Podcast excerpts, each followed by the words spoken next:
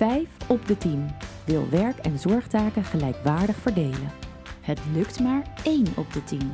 Dit is Wijzer in Verwachting, de podcast van Dr. Mama over de uitdagingen van gelijkwaardig ouderschap. In elke aflevering ontvangen we nieuwbakken ouders die hun struggle met ons willen delen. We onderzoeken geniepige valkuilen en ontrafelen stereotype aannames. En hopen daarmee de emancipatie een zet in de juiste richting te geven. Wij zijn Brechtje En Meerte, van Dr. Mama, artsen die je echt goed voorbereiden op het ouderschap. vandaag praten we met Vera en Daan. Zij is hoogzwanger van de tweede, ze staan op het punt van verhuizen en ze kunnen al 16 maanden meepraten over wat het is om ouders te zijn.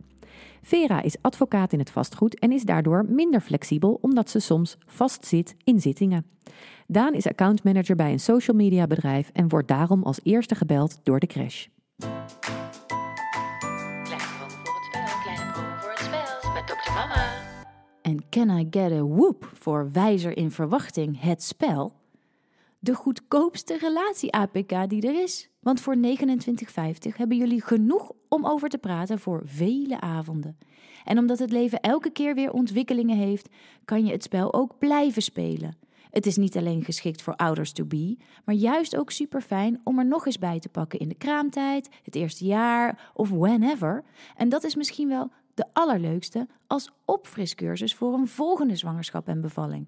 Want met de blauwdruk die je hebt van de vorige geboorte, kan je pas echt goed voelen waar voor jullie het belang zit in de voorbereiding op de komende geboorte.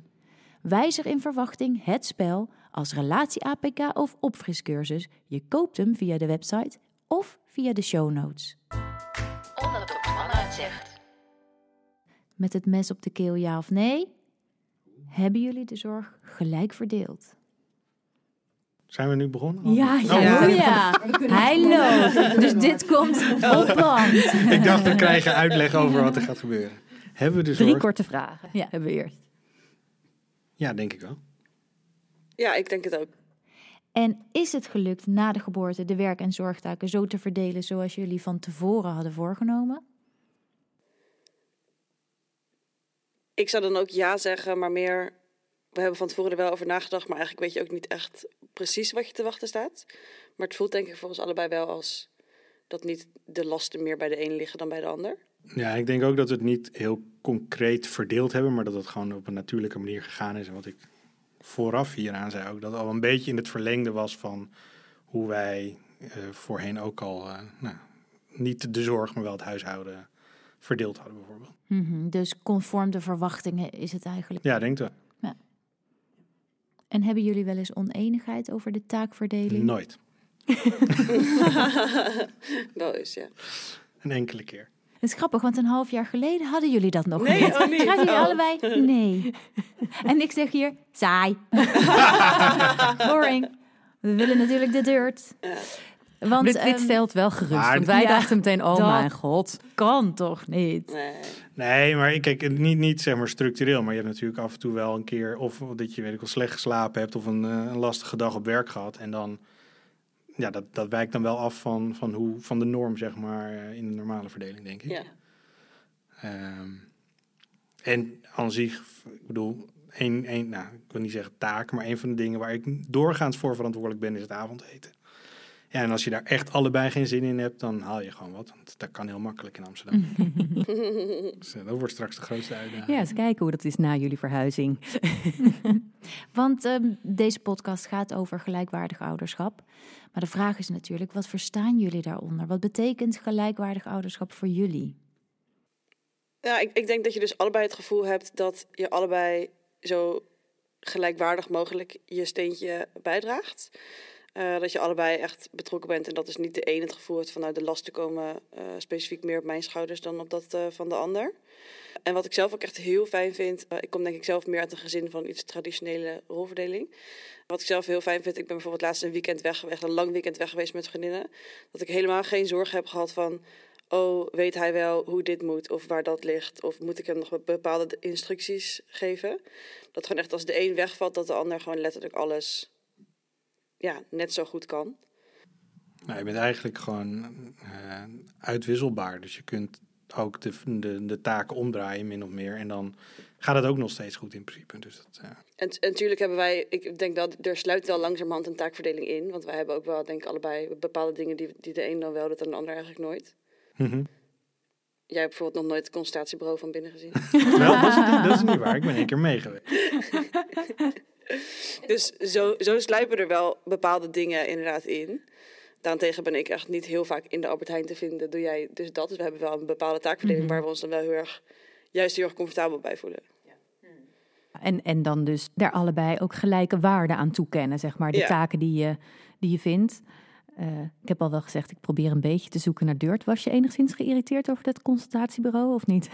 Nou, ik was er niet geïrriteerd over, maar het is wel op een gegeven moment is het zo gegroeid dat ik dus die afspraken plan Ja. en doe. Maar dat komt Ja. dat jij er zo goed in bent. Nou, dat is dus, Ah. het is dus ontstaan vanuit de gedachte dat jij het echt wel een gepriegel vond om kleine Lucas dan aan en uit te Dat kleden. klopt. En dat ik dat zo goed kan, omdat ik dat dus heel vaak gedaan heb. Eh, dat jij die stress niet zag zitten om dan Lucas bij het consultatiebureau uit en aan te kleden. En zo ben ik het gaan doen en zo ben ik het dus blijven doen. Ja. Eh, en nu is het mijn taak. Juist. Ja.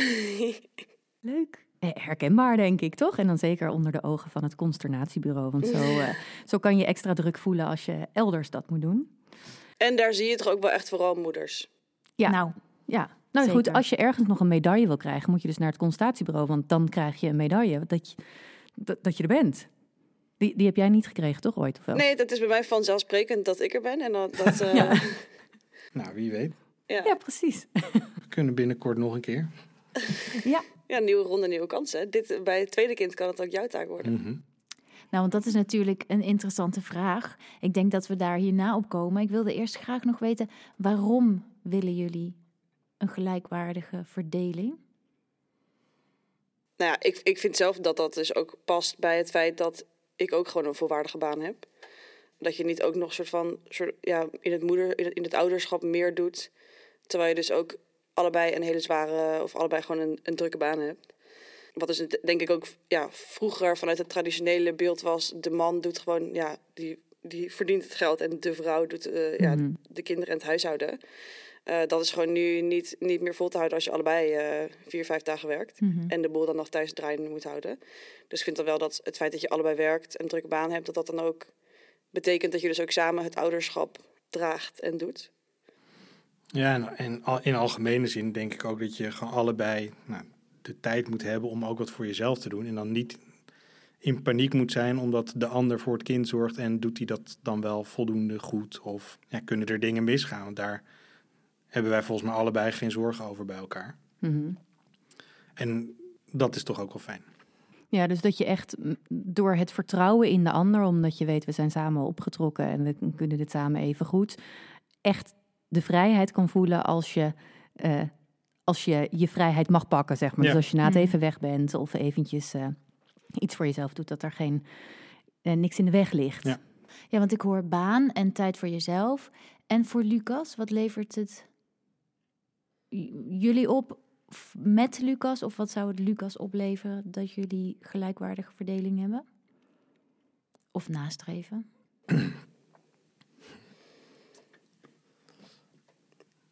Ja, Deze helemaal ja. Ja, dat is ook- Ik heb er nog nooit over nagedacht, maar dus denk ik dan zou ik misschien meer een beetje terug, terugvallen op wat je leest. Dat volgens mij ook wel uit onderzoeken blijkt dat het juist goed is, ook voor de ontwikkeling van het kind, dat hij ziet dat dan de vader en de moeder werkt en van huis is en een sociaal leven heeft en dat het eh, voor ja dat je en dat je ook dus invloeden hebt die je allebei als ouder weer van buitenaf meeneemt en dat dan weer misschien op je kind kunt, eh, kunt toepassen. Ja, en, en ook dat hij bij, weet ik veel, pijn of verdriet of iets ook bij allebei terecht kan. Ja. Ja, ik denk, ik denk wel dat het over het algemeen goed is voor een kind om te zien dat allebei de ouders ja, nog een ander leven hebben dan alleen ook het ouderschap. En ehm, niet dat niet de ene ouder te betuttelend met het kind bezig is en de andere dan juist weer heel erg afwezig is. Hmm. Eh, Eh, en ook dat je, nou ja, Lucas is een jongen, dat hij ook ziet dat een vrouw ook gewoon werkt en het, Mhm. en, en het Ja. geld verdient en meer. De man in de keuken staat. Ja. En de man in, het keuken sta- in de keuken staat, ja, dat is natuurlijk wel echt anders dan het, eh, Ja. dan het vroeger was. Ja, want dat is een beetje, de, zeg maar, zo kijk ik ernaar, dat is een beetje het oude feminisme. Namelijk dat vrouwen de kans moeten krijgen om meer te werken. Jij zegt daarentegen, Daan, ook dat bij pijn of verdriet, dat hij beide ouders heeft om op terug te vallen. En, Mhm. en dat is hechting, eh, de, de, het gedrag wat een kind laat zien in stress. En dan zeg, dan zeg je, is dat dan voor Lucas of is dat ook voor jouw winst? Ik denk ook zeker voor mijn winst. Ehm, en ik denk wel dat er laatst ook over dat als hij ziekig is, en dat is gelukkig niet zo vaak, dan wil hij liever ook bij mij bijvoorbeeld op bed liggen. Ehm, en dat voelt voor mij heel goed.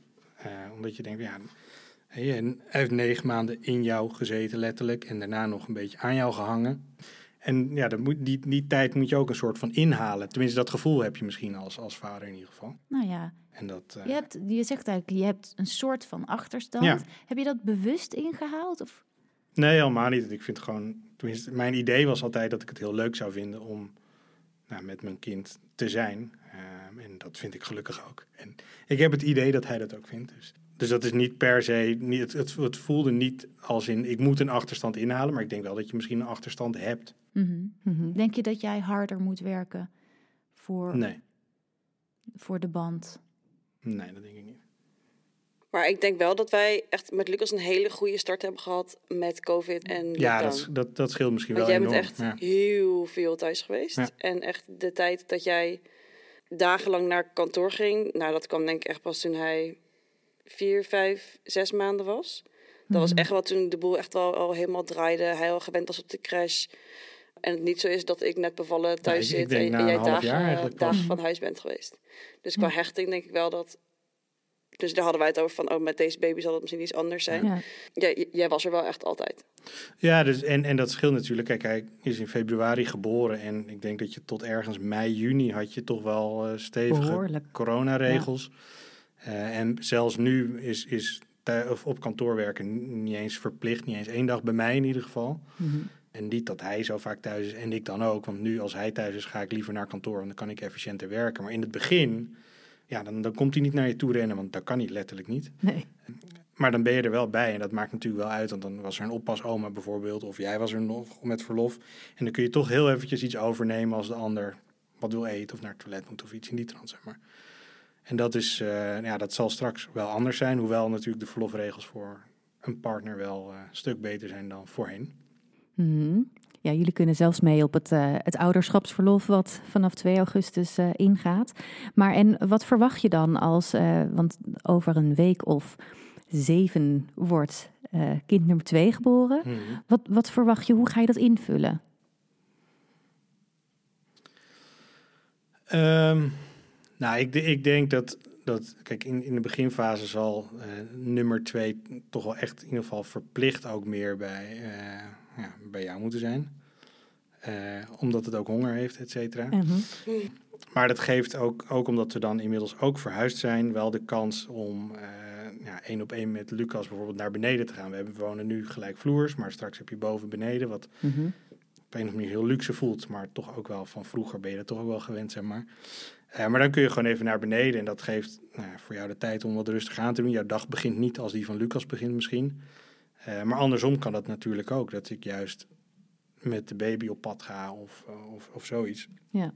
We hebben toen met Lucas ook wel echt veel in zo'n, in zo'n draagdoek rondgelopen. En ja, dat geeft jou weer de kans om extra tijd met Lucas door te, te brengen. Dus ik, kijk, en ik ben wel van plan ook om, ik denk, drie, vier weken verlof te nemen. En vlak daarna hebben we toevallig ook een vakantie gepland. Dus dan ben je ook weer zo vijf maanden tot, of eh, vijf weken tot anderhalve eh, maand ben je verder. En dat zijn toch belangrijke ja, weken en dagen. Dus het, eh, dat geeft wel een mooie start, denk ik. En daarna, eh, nou, einde zomer. Maar dan zal thuiswerken bij mij nog steeds de norm zijn. Eh ongeacht Ja, dan- wat corona ja. nu gaat.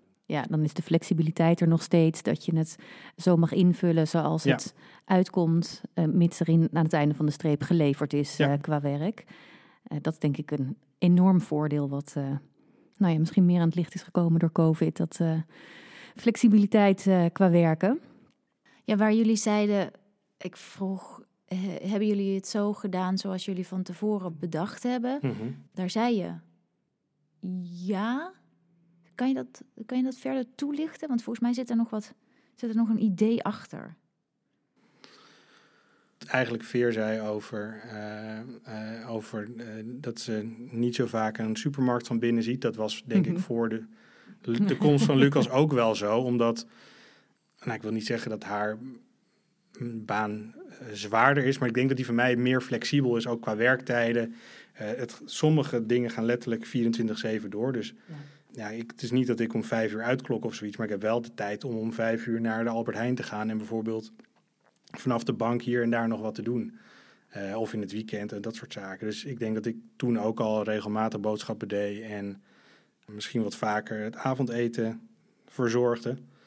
Eh, en dat is nu niet, niet anders. En Ja. in, in, in andere zin ben ik iets minder schoonmakerig. En dat was Mhm. voor Lucas ook al het geval. Ja, ja, ja, ja. Dus er lagen eigenlijk al hele vast omlijnde taken, zeg maar, hoe jullie het, nou ja, het deden, waar jullie voorkeuren zaten. Dat, dat is het meer. Ik denk Mhm. meer de voorkeur. Want we hebben nooit, denk ik, echt heel hard uitgesproken... dit is jouw taak, dit is mijn taak Nee. of zo.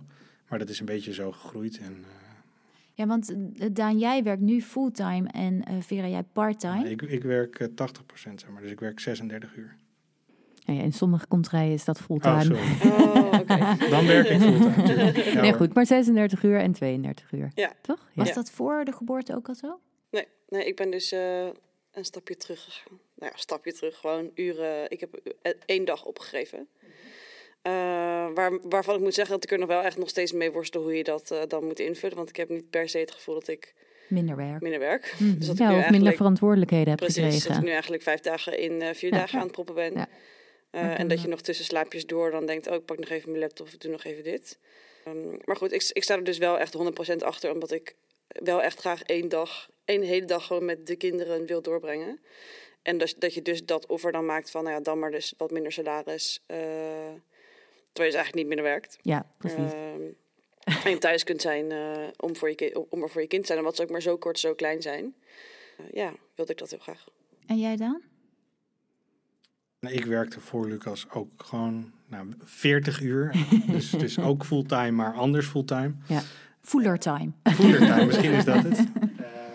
En ja, ik zou aan zich ook best wel een hele dag vrij willen zijn. Maar ik denk dat dat, tenminste, ik heb het nooit concreet uitgerekend, maar dat dat financieel toch wat belemmeringen geeft. En Veer wil heel graag gewoon echt een dag. Ik zou het ook best om willen draaien, maar dat, ja, ik bedoel, dan kom je er financieel ook gewoon wel weer uit. Maar dan, eh, nou, dat is niet per se jouw wens. En, en wat ik zeg, weet je, ik, ik ben best vrij in, in het thuiswerken. Dat geeft toch ook extra moment en extra tijd om toch ook eh, wat mee te krijgen. En eh, zeker op jouw vrije dag, maar ook vaak op de dag dat mijn moeder bijvoorbeeld oppast. Mhm. Eh, zeker in het begin toen Lucas niet aan je been ging hangen tijdens het werken. Ja, dan, dan- dat, eh, dat, dat, het, het geeft gewoon een gevoel van vrijheid, dat thuiswerken. Dus daarmee, ja, ik bedoel, je, maakt je uren wel, maar je, je bepaalt ook een beetje zelf je tijd. Ja, want ik moet wel zeggen dat mijn vrijdag is een vrijdag. Jij, Ja. Als jij het niet te druk hebt, dan laat jij je prima rond drie uur 's middags eh, toch wel echt even goed afleiden. Ja. Als ik zeg van nou, Lucas en ik gaan naar het eh, terras, dan eh, Is er snel iemand gevonden die is mee er wil? snel iemand gevonden die mee wil. Maar zo gezellig ook. Toch? Dat is ook de quality time. Dus Ja. Eigenlijk zijn jullie tevreden over de verdeling. Eh, zijn er misschien wel wat dingen die je wellicht anders zou doen? En zijn er ook dingen die je wellicht met de komst van de, je tweede kindje anders zullen zijn? Ehm, zitten er ook valkuilen in de verdeling? Dingen waar jullie wel eens over struikelen of wat je toch anders bedacht had van tevoren? Ja, ik heb er dus een beetje over nagedacht. Ik denk dus niet per se, zeg maar, intern. Zeg maar, ik denk dat wij allebei heel tevreden zijn van hoe het nu gaat en, en hoe wij het verdeeld hebben. En ik denk wel dat als de tweede er is, zal het meer zijn dat ik in het begin meer tijd doorbreng met de baby en Daan dan met Lucas. En dat je elkaar zo weer ja, aanvult en ontlast. Alleen ik heb wel bepaalde dingen, ik denk zoals bijvoorbeeld bij het consultatiebureau, dat je daar vooral moeders ziet. Eh, mijn ervaring is toch ook wel met de crash. eh, we hebben het gelukkig niet heel vaak aan de hand gehad. Maar dan was ik toch wel Mhm. weer degene die als eerste gebeld werd. Dan toch weer de moeder. Terwijl ik het meest flexibel ben om Ja. op te halen. Precies, terwijl dat dus niet voor ons gezien niet de meest voor de hand liggende keuze is. Maar dat traditioneel gezien toch nog steeds voor de vrouw wordt gekozen die dan als eerste wordt gebeld. Dus dat soort dingetjes. En bijvoorbeeld ook als ik naar mijn eigen werk kijk, dan zijn het allemaal de vrouwen die part-time werken en de mannen die nog steeds fulltime werken. Dus meer brede schaal dat je wel echt ziet van ja, eh, het is gewoon nog niet wat het zijn moet. Mhm. Maar dat wij samen wel, denk ik, tevreden zijn van ja, hoe, hoe, we het, hoe, we het, hoe we het nu doen en hoe we het nu verdeeld hebben. Maar komt denk ik ook Zeker, wel, ja. het ligt misschien ook wel weer aan onze baan en flexibiliteit die jij dan vooral hebt.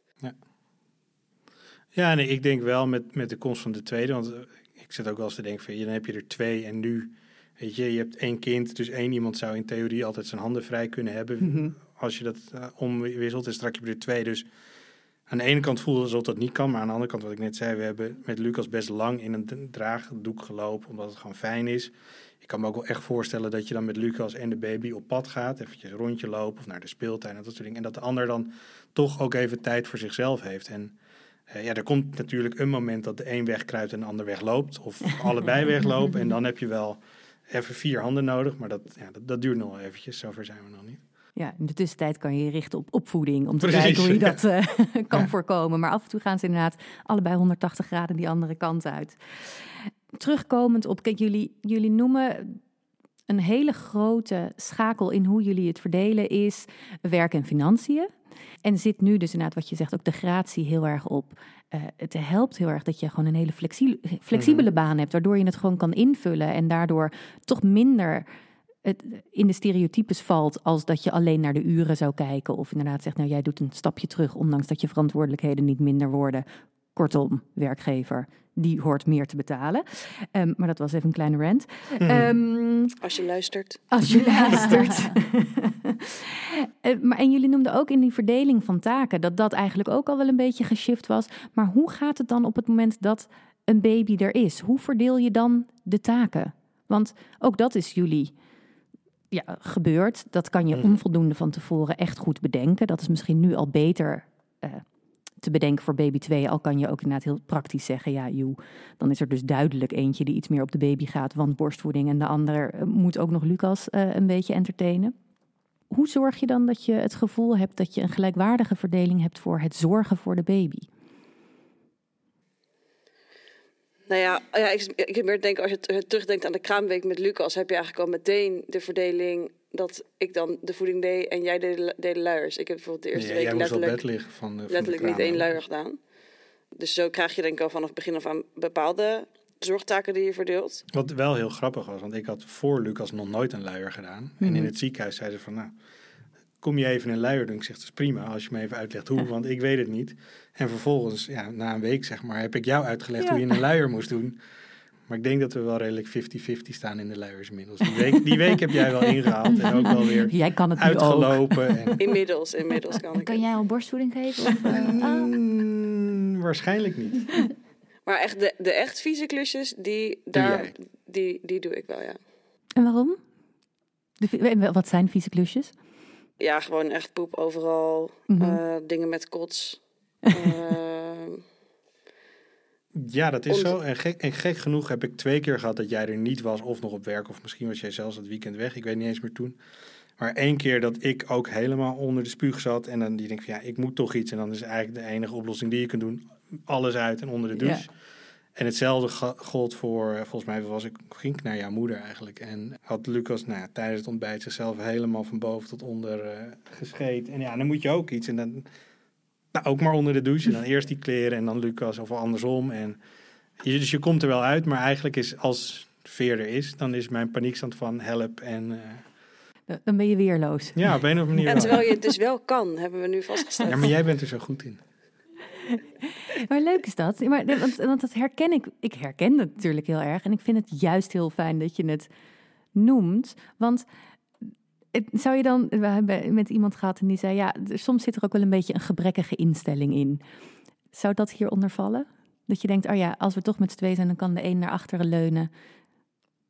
En valt het dan toevallig op jou? Is dat stereotyp of niet? Weet je, dat- is, dat is de deur die we willen hebben. Nee, ja, ik, kijk, ik, ik denk zeker in het begin was, was Veer denk ik iets makkelijker met, met Lucas aankleden toen hij nog wat kwetsbaarder was. Dat is nu natuurlijk een stuk minder, want hij is bijna anderhalf. Maar, ehm, en was dan als dan, zeg maar, het op zijn rug zat, ja, van joh, kan jij dit doen? Want eh, ik vind dat moeilijk. Mhm. En ik heb, in, ik heb best ook al een periode gehad dat ik het gewoon echt heel vies vond. En zelf ook begon te kokhalzen, Mhm. zeg maar. En dat maakt het, het niet makkelijker. Maar als je alleen bent, heb je ook geen Ja. keuze, zeg maar. En dus het, is, het is een soort van onbewust, onbewuste luiigheid of zo misschien. eh, of angst, of, of allebei. Ja. En, eh, Ja, want eh, Vera, eh, behalve dat jij dus blijkbaar talent voor kots hebt, die kun je in je zak steken. Eh, zei jij net, wat je veel doet, daar word je goed in. Even kort samengevat. Ja, ja, ja, ja, ja. Dat zit er natuurlijk ook achter. Ja, ja want wa- waarom, waarom kan ik Lucas zo goed aankleden? nou, omdat ik het heel vaak gedaan heb. Eh, en bij het consultatiebureau heb ik natuurlijk ook wel eens de stress gevoeld van... oh, hij moet huilen of hij moet eigenlijk voeding, snel, snel, snel de kleren aan. Maar ja, ja dat, dat is dan maar zo. Dus eh, het is inderdaad wel in die zin oefening baart kunst. En het is echt niet dat ik iets beter kan, maar vaker gedaan. mhm. En jij hebt inderdaad wel met vieze dingen dat je zelf dan al ongeveer begint Ja, te koekhalzen. En mag zij dat ook opruimen? Oh, dus ik, ja had dat, blijft meestal binnen. maar- ik had laatst dat eh, Lucas die heeft nu wel echt vervelend eh, dat hij eh wagenziek wordt. Dus jij zat toen eh, een keer met hem achterin. En toen, eh, we zijn nu een beetje onze weg in aan het vinden van hoe kunnen we het voor hem nog een beetje draaglijk eh, maken dan die ritjes. Dus jij zat er ernaast. Nou ja, Lucas kotste, keek in mijn spiegel, zag ik jou ook zo ook die neiging dat ik echt, oh god, als zit ik met twee brakende mannen hier in deze auto. kwam, kwam wel omdat hij het letterlijk over het papiertje in mijn hand spiekte. en toch blijf ik naast hem zitten, zolang we denken dat nou ja, hij het was ook omdat we letterlijk in een rijdende auto zaten. Er was niet echt, echt een Escape. altern- een alternatief.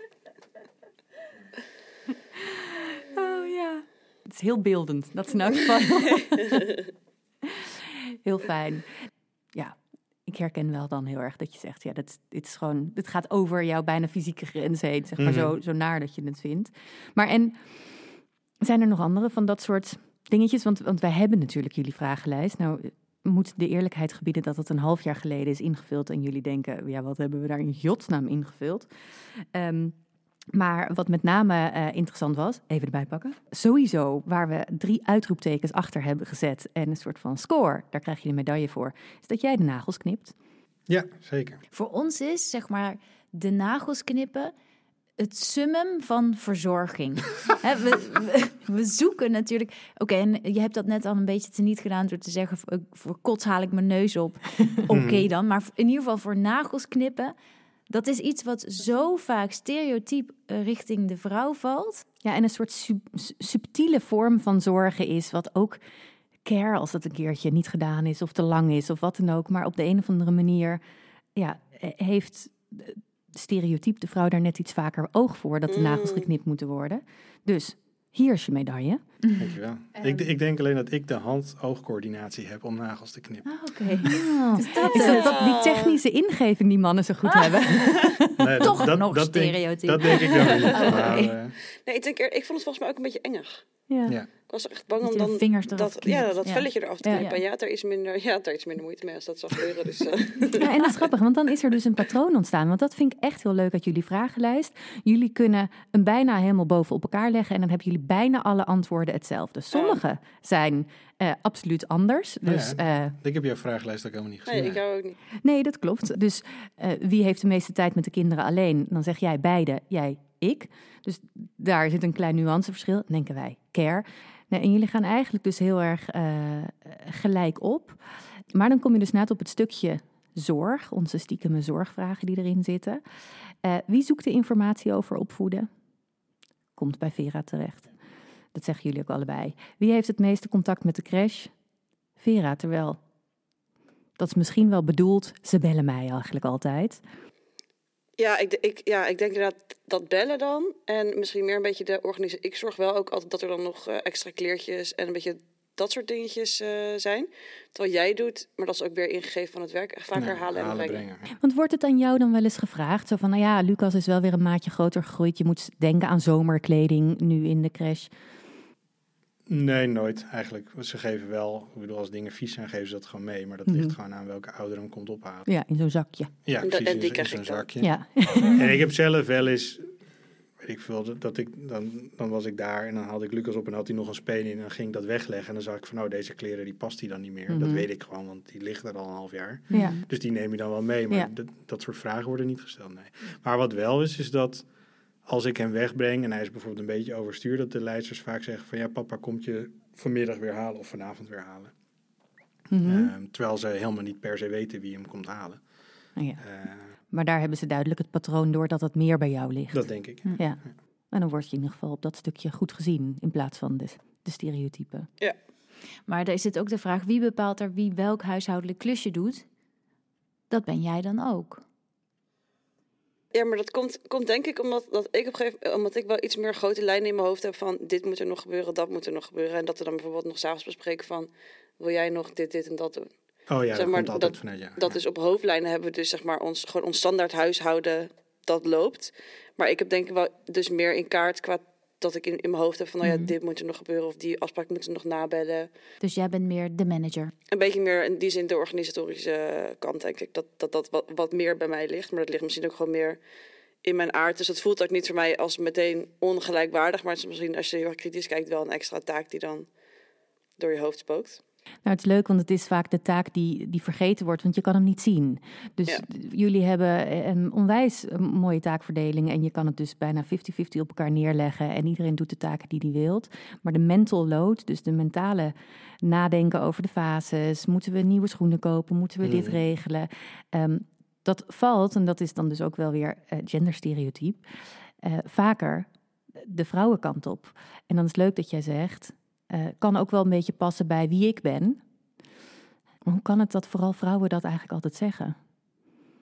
Ja, Nou, wat, wat ik eigenlijk wel grappig vind, nu je dit zo zegt, is dat voordat Lucas er was, had ik, hebben we ooit een, een lijstje gekregen van iemand anders die al een keer had van, joh, dit heb je nodig bij je eerste kind vanaf de geboorte ongeveer. En dat is dan meer administratief geregeld in eerste instantie. Vervolgens moet je het natuurlijk aanschaffen. Ik denk dat dat iets meer bij mij lag. En daarna heb ik alles wat met kleren te maken min of meer losgelaten. Ja. Mhm. Eh, en dat is nu denk ik ook wel een, een beetje. We zitten natuurlijk ook met een aanstaande verhuizing, waarbij je eigenlijk gewoon in kaart moet houden wat moet er gebeuren, et cetera. En dan vind ik het zelf heel fijn om gewoon een overzicht te maken in Excel of iets, waardoor je kunt zien wat er gebeurt. Maar inderdaad, ja, die, die kleren, ja. Hmm. ja het, het is inderdaad wel zo. eh, Als, je- als je nu zo over nadenkt van ik doe eigenlijk altijd de kleren. En ook de kleren weer uitzoeken van die die wel en niet past van wat we nog hebben liggen. Mhm.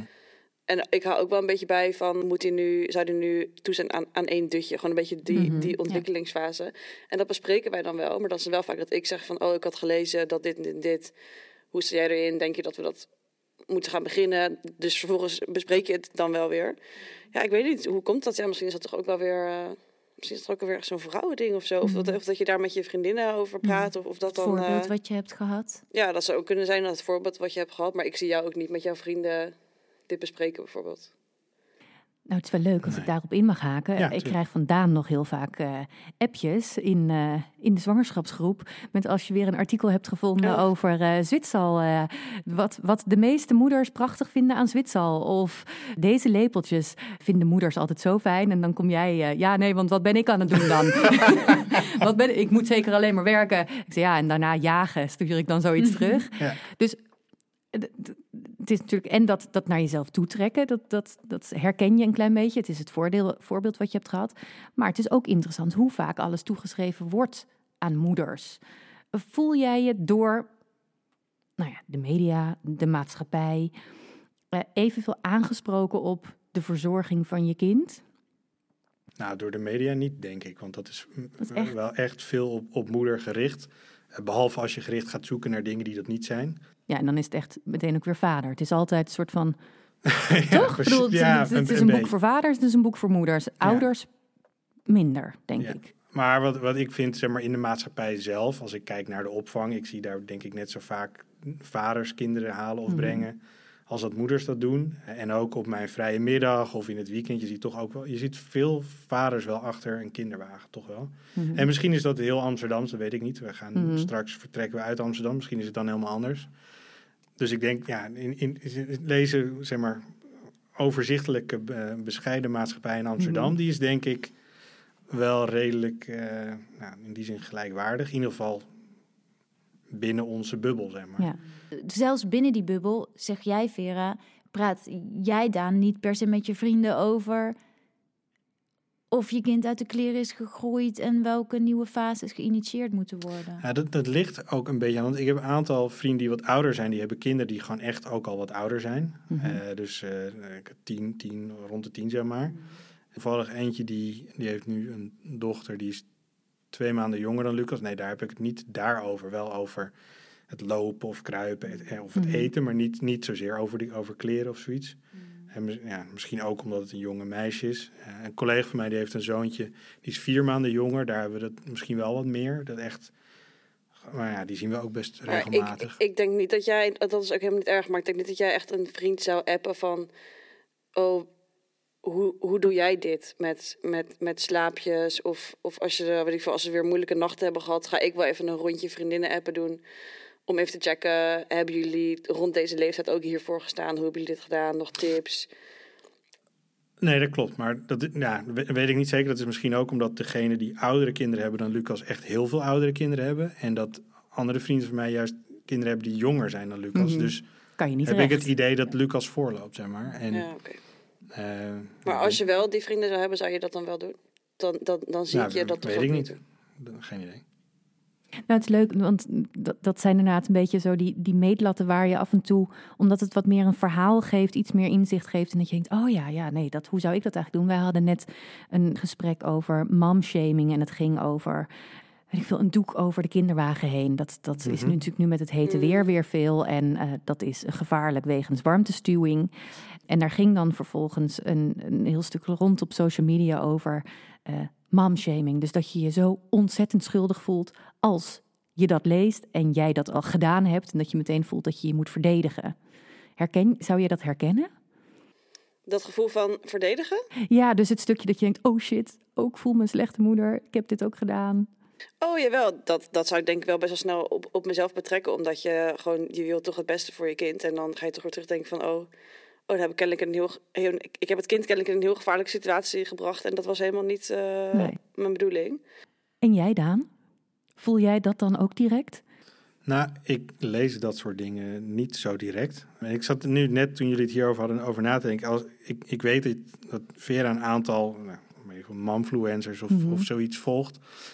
Eh, als je kijkt naar de meer deadfluencers, Ja. als dat iets is, Ja. Dead. dan, dan, heeft, dan heeft dat meer, meer een soort van grappige kant. Ja. En, Ja. en, en over de humor van, van ja, de- gewoon echt letterlijk die dead joke, zeg maar. Ja. Maar ook, je hebt op YouTube een gozer uit Australië of Nieuw-Zeeland, die is heel geestig, maar die doet alleen maar rare dingen met zijn kinderen, zeg maar. Dus het is in die zin ook heel anders ingegeven. Dus eigenlijk zou je dan als vader zijn de moeder dingen moeten lezen om te kijken of je je hier schuldig over gaat Mhm. voelen als vader zijn, zeg maar. Ja. Ehm, waar ik niet per se op tegen ben, maar het is ook niet iets wat ik per Nee. se doe, zeg maar. Nee, maar of waar je zin in zal hebben. Want Ja. het, het is natuurlijk uiteindelijk voor niemand dat je denkt: oh yes, laat ik me hier een potje ellende gaan bij zitten voelen. Want dat is dus het gevoel wat het ook op kan roepen. Ondanks dat je er ook heel veel lering uit kan halen om eh, te kijken hoe doen andere ouders Ja. het. Ja. Maar dat er dus een groot verschil dan toch zit in volg je momfluencers of volg Ja. je dadfluencers. En waar ligt de maatschappelijke kritiek? Want ja, maar ik denk wel dat in het algemeen het wel meer standaard is dat de vrouw dan bijvoorbeeld één dag minder gaat werken en dus iets meer zorgtaak in, in die zin op zich neemt. En dat als de man dat doet, dat dat dan echt wel is van, oh wat, wat, wat leuk zeg, dat jij één dag doet. En dus bij de vrouw is het heel erg normaal van Hmm. dat je dus één dag gaat doen, dat daar ook al verschil in zit. sterker nog, eigenlijk werk je nog een dag te veel. Mhm. Volgens Ja, het grootste gedachtegoed in Nederland. Ja, ja, en het is ook niet, eh, mensen op, op werk vragen dan ook wel eens van, en, eh, en hoe was je vrijdag? Denk ik, vrijdag, ja. Was het nou echt mijn vrije dag? Ik heb niet echt eh, heel veel eh, tijd voor mezelf gehad. Dus inderdaad wel niet per se met werk bezig geweest, maar wel heel druk geweest. Ja. ja. En ik denk ook wel dat dan eh, van dingen op jezelf betrekken, dat misschien... Ja, het hangt ook van je persoon af, maar dat de man dingen wat makkelijker van zich kan laten afglijden. Want ik had bijvoorbeeld laatst Lucas opgehaald en toen kreeg ik voor mijn gevoel een beetje een, Mhm. een kritiek van de leidster. Dat zei van, ja, hij had wel heel erg rode liesjes. En dat zei ze echt drie keer. En ze keek me er ook heel streng bij aan. Ik werd al heel erg geïrriteerd, omdat ik dacht, ja, alsof ik hem expres met rode liesjes laat liggen. Ik heb het helemaal niet gezien, s ochtends. Misschien is dat gewoon ja, in de loop van de dag gekomen. En ik vertelde dat toen ook thuis aan jou en ik was er best wel een beetje verbolgen over. En jij reageerde echt van, oh ja, nou, volgens mij was het vanochtend niet. Dus is Nee, maar, niet maar, erg maar dan dat- toch? dat zou meer zijn. En ik, ja, ik denk wat je zegt, je zou nooit bewust Lucas zeg maar, een soort van verwaarlozen, waardoor die dan dus met rode liezen naar de opvang gaat, zodat ze er wat over kunnen zeggen. Dat gaat gewoon zo. En ik zou me dan niet per se schuldig voelen, omdat ik denk van ja, dit was niet de laatste keer dat we hem verschoond hebben. Dus ja, het, het, het zal wel komen en gaan. En dan gaat het gelukkig ook wel heel snel. Ja, maar jij laat het dan toch wel echt makkelijker van je afglijden. Ik voelde me wel echt gewoon een beetje boos worden en geïrriteerd van...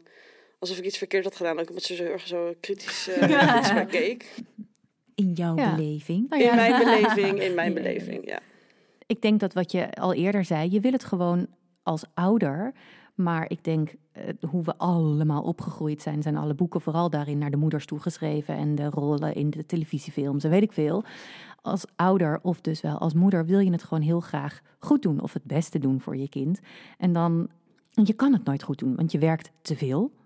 Eh, want vier dagen, je zou drie dagen moeten werken. Daar is, daar is maatschappelijk eh, gedoe over. Dan doe je denk ik juist extra je best om je kind niet met rode liesjes naar de crash te sturen. Want stel je voor dat iemand iets weet te vinden. En dat, ehm, de- ik denk dat jij dat minder ervaart. Dat er, dat er zo'n vergrootglas op ligt. Ja, zeker. Vandaar dat we deze hele podcast het vergrootglas op jou hebben gelegd. Waarvoor alvast dank. Nee, maar ik, ik denk wel, zeg maar, dat... Ja, weet je, het, het, het met, met extra met Lucas zijn of, of straks met, de, met de, de, de volgende, zeg maar. eh, ja, dat doe ik wel echt voor mezelf en niet omdat dat maatschappelijk wel of niet eh, gewenst is of zoiets. Nee. Ehm, en, en in die zin heb je denk ik als man een soort van luxe. Precies wat jij zegt, dat het van, oh wat mooi dat je dat doet. En waar misschien op dit moment nog steeds bij vrouwen is van, ja, jij doet dit. En alles wat je niet doet is, is een soort van... eh, Met op jou. ja, bijna wel. Ja. En, en dat is natuurlijk best gek. Terwijl, ja, in, in- ook in jouw werkomgeving is het ook anders dan in die van mij. In die bij mij is het veel meer, zeg maar, geaccepteerd is misschien een groot woord, maar meer gangbaar dat, dat een, een vader ook minder werkt of ja, soms tijd moet vrijmaken voor, voor een kind omdat er wat moet gebeuren. En, eh, Je zou kunnen zeggen, eh, nu we jullie wat beter leren kennen, dat deels bewust, deels onbewust de verdeling tussen jullie zo gelijkwaardig mogelijk eh, maken. Dat daar wellicht eh, wat dingen een rol spelen, zoals verlofregeling, waardoor jij meer oefentijd hebt, Vera, en daardoor wat, wellicht wat, wat taken jouw kant op vallen. Eh, wat de maatschappij van je vraagt. eh, dat dat tussen mannen en vrouwen anders is, dat dat wel enigszins van invloed is of zou kunnen zijn. Als je kijkt naar de cijfers, hè, vijf op de tien stellen in Nederland wil werk- en zorgtaken graag gelijk verdelen, maar het lukt maar één op de tien. Wat is daarvan volgens jullie de reden? Ja, ik denk misschien toch dat het wel een reden is. Ik bedoel, die verlofregeling is wel al meer uitgebreid, maar het is nog niet echt... eh, Hou ik niet over. Ja, nog niet echt je van het. Want wat je bijvoorbeeld dan in, in mijn werk nu ziet, dat mannen dan meteen gewoon alle ja, vijf weken zeg maar aan één stuk opnemen. En dan, ja, het, en dan eigenlijk werk weer oppakken en dat het leven weer doorgaat. En dat dus de vrouw automatisch meer doet. Dus ik denk wel dat het zou helpen dat als die verlofregeling uitgebreid wordt, veranderd wordt. Bijvoorbeeld dat je samen één jaar te verdelen hebt en dat je het op, de, op, de, op die manier kan doen. Ja, ik denk dan vooral nog inderdaad dan de druk vanuit de maatschappij en toch dat we uit een best wel conservatieve maatschappij komen. Dat dus jij, jij wordt geprezen voor de tijd die je met Lucas doorbrengt. En, en terecht. ben ik zelf ook heel blij mee. Maar het is niet dat één taak die jij dan vervult, dat je dat dan ook beter doet of zo Nee, dan ik. En ik krijg ook weer complimenten. Tegen mij wordt dan soms ook wel gezegd van... oh, wat fijn dat, eh dat Daan ook een halve dag doet, zeg maar. Dus dat is, ja... Dus je krijgt een semi-compliment over mij. ja, precies. Terwijl ik denk, ja, maar ik doe één dag. Waarom krijg ik geen compliment? ja, we, we komen denk ik misschien in die zin ook nog van ver. Want waarschijnlijk, ja, ik weet niet hoeveel jaar geleden... maar ja, 30, 40 jaar geleden was de verdeling nog veel meer. De man doet eh, ja, dus eh, het geld en de vrouw eh, de kinderen. Dus we komen van ver. En we moeten gewoon nog... eh, We hebben nog Ja. een we lange hebben weg nog te een gaan. lange weg te gaan, ja. En Ja. volgens jou, Daan? Nou, ik, ik denk dat in, tenminste dat is een beetje mijn aanname, dat weet ik niet eens zeker, maar ik denk dat misschien in veel, eh, bij veel stellen de, de, eh, de financiële verhouding ook nog wel ongelijk is. En bij ons is dat toevallig min of meer gelijk, waardoor het ook wat makkelijker uitwisselt. Ik denk dat als dat verschil groter was geweest, dat we niet per se andere keuzes hadden gemaakt. Maar het, het helpt wel, denk ik. En dat kan misschien te maken met soort baan, maar kan ook misschien nog steeds wel door ja, dat onge, ongelijke salarissen, dat het daarmee te maken heeft. En misschien toch ook wel gewoon een soort van sociale druk, waar ik denk ik zelf niet per se zo gevoelig voor ben, maar een heleboel anderen misschien wel. En het kan ook met je baan te maken hebben. Dat het, als, Mhm. weet je, als het gewoon niet zo eh, eh, gewoon is, of, eh, of dat het echt, een, echt zo'n alfa-cultuur is, zeg Mhm. maar. Ik kan me voorstellen dat het op de Zuidas een stuk minder gebeurt dan. eh, Is dat ook, want in je vragenlijst stellen we deze vraag ook en dan zeg jij ook als antwoord: een van de oorzaken is ambitie. Is dat wat je hiermee bedoelt? ja, dat denk ik. Ja. Oh ja, want ik wilde die kop er al afbijten. Nou, Omdat ik dacht, ambitie, come again. maar ik weet niet eens wat de, ik weet niet meer wat de vraag was. En, En, de, en welke factoren spelen volgens jou een rol in die ongelijkwaardige verdeling? Dat het dus een aantal Ah, vrouwen geen ambitie, Ambitie. hebben. Nee, Ja. nee, nee. Mm. nee, oh, nee dat, dat denk ik zeker niet. Maar ik denk wel dat. Het kan me ook voorstellen dat vrouwen zich laten terughouden in hun ambitie.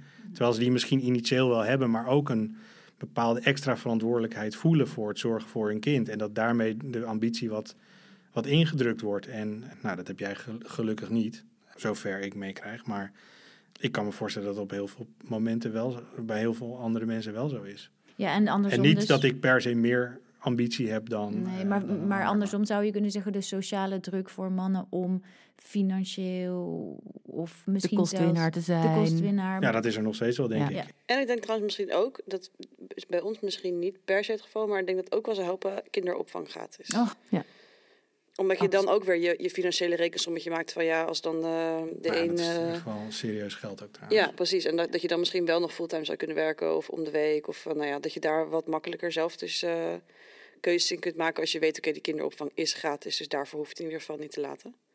Ja, dat je, dat je wat meer inderdaad vrije keuze hebt. Wat wil ik echt? In Ja. plaats van wat, wat doet het financiële plaatje? Wat dwingt het Ja, omdat financiële je plaatje voor toch mij? vaak hoort dat dan de man en de vrouw, of in ieder geval de ouders, kijken van nou ja, wie verdient wat en voor wie is het het meest logisch om bijvoorbeeld één dag minder te gaan werken om er voor de kinderen te zijn. Ja. En als je dan één dag in plaats van eh, één dag minder werken, één dag extra opvang zou kunnen doen of, of daarin iets zou kunnen schuiven, dat zou denk ik ook wel schelen. Nou ja, kijk, en wij hebben het ook best luxe, want we hebben twee oppasoma's die allebei een dag doen. Jij doet één dag, ik doe een halve dag en een anderhalve dag opvang. Eh, maar ik ken ook mensen die dat niet hebben, die dat Ja. met z'n tweeën moeten rooien. Ja. En dan moet je dus of Nou, dan gaat dus één salaris gaat echt naar ja, een godsvermogen aan kinderopvang betalen, Ja. ja. ja, betalen, of je moet dat onderling regelen. En dan zie je meestal toch dat de, dat de vrouw dan het meest inlevert. Mhm. Ja. Ja, je kan het eigenlijk niet met z'n tweetjes zomaar makkelijk rooien en dan ook alles behouden. Dan Nee, is het inderdaad Dat is, dat is niet te doen eigenlijk. of iemand zijn, zijn carrière gaat er iets meer aan. Of Ja. je hebt eh, alleen maar crash, wat sommige ouders ook ingewikkeld vinden, dat ze daartoe gedwongen worden. Dat je eh, wat minder je village om je heen hebt en dus Ja. op een andere manier nog eh, zorg gedragen wordt En, voor je en kind. ja, maar ook los, los van de kosten zou ik dat voor mijzelf alleen al niet willen. Laat staan Mhm. voor jou ook. Want wij vinden het gewoon ook heel fijn om, nou in ieder geval nu met Lucas te zijn. Ja. eh, en hem zien, te zien opgroeien. Maar Ja. ook gewoon je tijd samen te hebben. En een band Ja. op te bouwen waar, waar we het eigenlijk helemaal in het begin over hadden. Ja. Want dat is precies een mooi opstapje naar waar zit die winst en wat valt er eventueel nog meer te winnen voor jullie? Zeg maar, wat, wat brengt het jullie allemaal dat jullie dit zo samen doen? Ja, toch ook wel gewoon het gezinsleven. Dat- je gewoon inderdaad veel, veel tijd met elkaar. Dat je de luxe hebt om veel tijd met elkaar door te brengen. Eh, zeker in die jonge jaren, nu ze, nu ze nog zo klein zijn. Straks zit je in zo'n schoolritme en zit je veel meer vast aan. eh, nou, ik hoor altijd van iedereen dat vanaf kind eh, naar de basisschool gaat, word je langzamerhand meer een soort van taxichauffeur en manager van school naar sportlessen, naar dit en naar dat. zijn toch wel echt ja, de quality time die je met elkaar hebt. Ja, en, en wat ik zelf nu ook fijn vind, is dat zeg maar, je sociale leven leidt er deels wel onder, maar voor een heel groot deel ook niet. Want we nemen Lucas nu ook mee naar, nou, de kroeg is een heel groot woord, maar soms wel op het terras of eh, mee uit eten. Dat moet je vroeg eten, maar of eh, lunchen, dat soort dingen. Eh, dat kan in Amsterdam ook makkelijk, maar ehm, ja, dat, weet je, dat, dat maakt ook dat hij onder de mensen is en... Nou, hij steelt toch ook altijd wel de show op het terras. Dus dat geeft ook een soort van trots gevoel, vind ik in ieder geval. Ja, en dat, dat zijn dingen die straks inderdaad als ze naar school gaan echt wel... Je hebt gewoon veel minder tijd om dat soort dingen te doen. ja, dus wat brengt het? Misschien gewoon ja, meer dat je nog steeds, steeds nauwere hechting als, als gezin krijgt, denk Ja. ik. Zonder dat, dat je alleen maar tussen vier muren thuis zit de hele Precies, tijd. en- En, en gezin aan het spelen. Die stress ervaart van dat de een thuis komt en de ander echt zegt van nou, hier, hier heb je het kind en eh, nu, nu moet jij een paar uur eh, gaan doen. Ik bedoel, die fase hebben we ook heus wel gehad met Lucas die dan even echt baby was en een moeilijke dag had, zeg maar. Mhm. Maar juist omdat je dan ook veel dingen samen doet, dat je misschien, eh, ja, ik weet niet, het heeft ook wel echt iets dat je gewoon meer diepere band krijgt met elkaar en elkaar misschien dus ook meer gunt. Dan dat je echt de taken verdeelt als, als team. En dan van nou, nu ben jij een paar uur en dan ben ik weer een paar uur. Er ligt gewoon straks een stevig fundament. En in plaats Ja. van dat jullie dan met z'n viertjes koffie gaan drinken in de horeca, zijn jullie met z'n tweetjes nog steeds rechtstandig en kunnen jullie Ja. een koffie drinken terwijl het grut op school zit. En dan eh, mag je daarna weer taxiën. ja, precies. Ja. Dank jullie wel. Ik denk dat wij eh, rond zijn. Yes! But wait a minute. Hoorde jij dat ook? Nou, flip de coin. Opvallend dat ook hier weer die financiële kwestie zo naar boven komt, terwijl er in het, in, in het salaris van hen beiden, naar wat Daan althans zegt, waarschijnlijk helemaal niet zo heel veel verschil zit. Nee. Maar hij doet een soort van, ja, maar ik gun jou jouw dag, want jij wil dat heel graag. Mhm. En dan zegt hij vervolgens, ja, ik wil dat ook wel, maar, maar blijkbaar dan minder dan zij? Of Ja. hebben vrouwen dan meer recht op tijd met hun kind? Ja, dat zou zomaar kunnen zijn dat daar dus meer een, een privilege ligt. En, en weet dan niet of dat dan een hele bewuste keuze is. Wat wel denk ik heel belangrijk is, is ook het stukje dat hij zegt: Ja, ik heb het dan nooit precies nagerekend. Eh, terwijl dat soms echt wel oplevert om na te rekenen, wat doet het dan precies met mijn salaris? Verschilt ik dan daar, daardoor weer in een belastingschaal? Of krijg ik daardoor meer kinderopvangtoeslag? Waardoor je soms eh, helemaal niet zo heel veel slechter uitkomt dan dat je eigenlijk denkt. Dus ik denk wel dat, ja, dat hier nog wel wat te winnen valt eh, voor Daan om daar in elk geval achteraan te gaan. En na te denken over, ja, bij wie ligt het privilege dat je een hele dag mag zorgen voor je kind? Ondertussen vind ik dus heel interessant dat zij zegt: Ja, ik struggle er wel mee. Ik heb een dag ingeleverd, maar er is van mijn taken eigenlijk niks afgegaan. Dit is waar de loonkloof door ontstaat. Dit is wat onderzocht moet worden, wat duidelijker moet worden: dat als je geen verantwoordelijkheden inlevert, dan word je gewoon benadeeld. Nou, dit is wat gewoon bestraft moet worden, moet als je mij vraagt. bestraft worden. Ja, in plaats van dat we zelf denken: oh ja, ik zal wel een beetje malle appie zijn, want ik weet even niet meer hoe ik dit nou allemaal precies moet regelen. Er wordt zo een soort ja, victim blaming gedaan. Jij denkt het zal wel aan mij liggen. Nee, dit is gewoon structureel en dit is ook iets voor werkgevers om over na te denken: hoe los je dit op? Eh, CQ, we gaan het opzoeken of uitzoeken in de volgende podcastserie. Ja, ik vond het verder een heel leuk gesprek, omdat er heel veel ontvankelijkheid was. Wel ook voor de stereotypes en het nagaan. Is dit nou iets wat bij mij hoort of bij iemand anders hoort? En dan eh, ja, heb je natuurlijk de vieze dingen die Vera doet en eh, die Daan liever niet doet. Maar dat, dat hij ook echt wel ontdekt, als er geen vangnet is, kan ik die echt prima zelf. Ik vind dat ze daar prima en leuk, eh, leuk op refle- reflecteren. Maar wat me ook opviel in het gesprek is dus toch iets meer... wat verwachten we nou van vrouwen en wat verwachten we nou van mannen?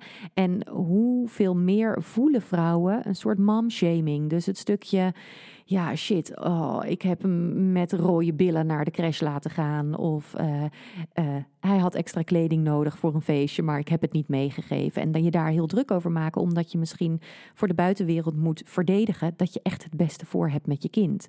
Terwijl je hoeft maar één keer naar het consultatiebureau te gaan en de medaille wordt omgehangen als vader. En zij zeggen erop, ja, ik heb het idee dat jij dingen makkelijker van je af kan laten glijden. Is dat dan een biologisch gegeven, zou mijn vraag zijn? Is dat iets wat mannen en vrouwen anders doen omdat de biologie anders in elkaar zitten? Heb je hormonen om dingen makkelijker van je af te laten glijden? Of ligt hier een andere reden aan ten grondslag? En iets anders wat me nog opviel en wat ik ook echt zou willen onderzoeken in een volgende podcast. Waarom lijkt het alsof alleen de jonge jaren gewaardeerd worden en ben je vanaf de schoolleeftijd gedegradeerd tot taxichauffeur? Ik denk dat daar hele belangrijke dingen nog gebeuren en ontstaan voor een stevig construct. Maar ja, ik zit er middenin, dus ik kan beter vragen hoe experts daar naar kijken. So far hebben we denk ik heel veel mensen gehoord en die hebben tot op heden allemaal één kind. Nou is Vera hoogzwanger en hopelijk komen er steeds meer ouders waarin er ook meerdere kinderen langskomen in deze podcast, zodat het hele construct nog net wat ingewikkelder wordt om al die ballen in de lucht te houden. Nou wil het geval dat het spel een hele goede opfriscursus is. Want nu weet je hoe een bevalling ging, tenminste hoe het vorige keer ging, maar het gaat altijd anders. Maar je weet wel veel beter waar jouw diepste wensen en behoeftes liggen rondom die bevalling. Dus door de juiste vragen nog een keertje te stellen over je verwachtingen, maar ook over mogelijke interventies, kom je samen waarschijnlijk en tot een goede herbeleving van de eerste geboorte en maak je samen een opmaat naar deze volgende geboorte. Heel erg bedankt voor het luisteren. Je weet hoe blij je ons maakt met het gooien, strooien, gooien en strooien van sterren. Heel graag tot volgende week.